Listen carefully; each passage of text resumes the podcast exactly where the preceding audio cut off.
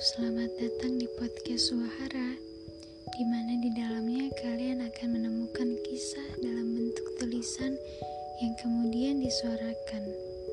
Juga tentunya berlatar belakang tentang kehidupan. Semoga dengan adanya podcast ini mampu membantu meringankan kesedihan kalian. Semangat ya!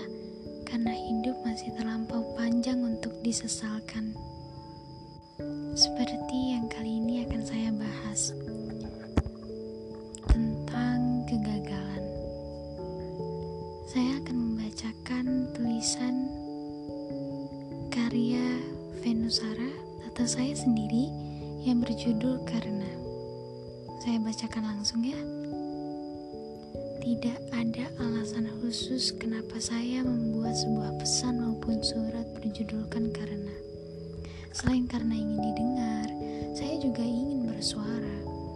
Tapi ini bukan tentang saya, melainkan setiap orang yang membaca tulisan ini.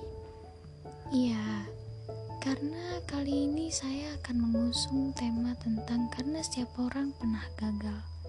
Gagal tidak berarti condong menuju hubungan, maupun sebuah ikatan abstrak antara kamu dengan dirinya yang mungkin sering sekali membahas perihal masa depan.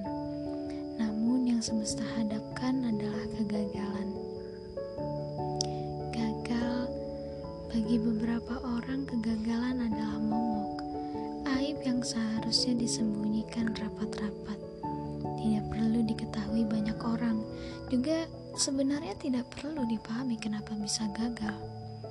Karena takut akan kepedulian yang menjelma sebagai metamorfosis, layaknya bentuk keingintahuan. Benar, aku pernah merasakannya. Kamu juga pernah kok. Kita semua pernah merasakan itu. Kegagalan adalah pengaruh terbesar dari alasan seseorang ingin menyerah begitu saja. Tidak percaya kembali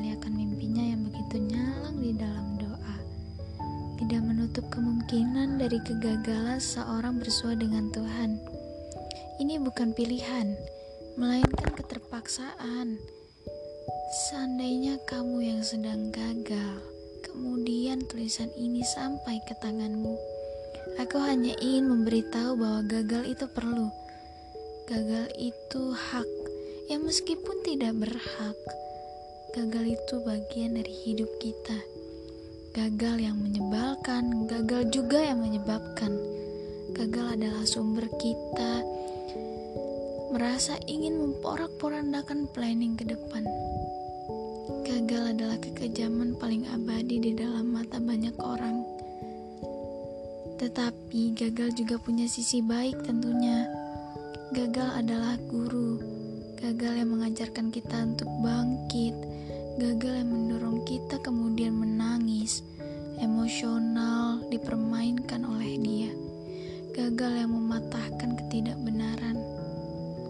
Gagal punya peran penting, teman-teman, karena gagal itu hanya perlu diterima dengan lapang dada. Semoga Kegagalan bisa membuatmu begitu hasrat mengejar keberhasilan. Sekian pesan yang bisa aku sampaikan.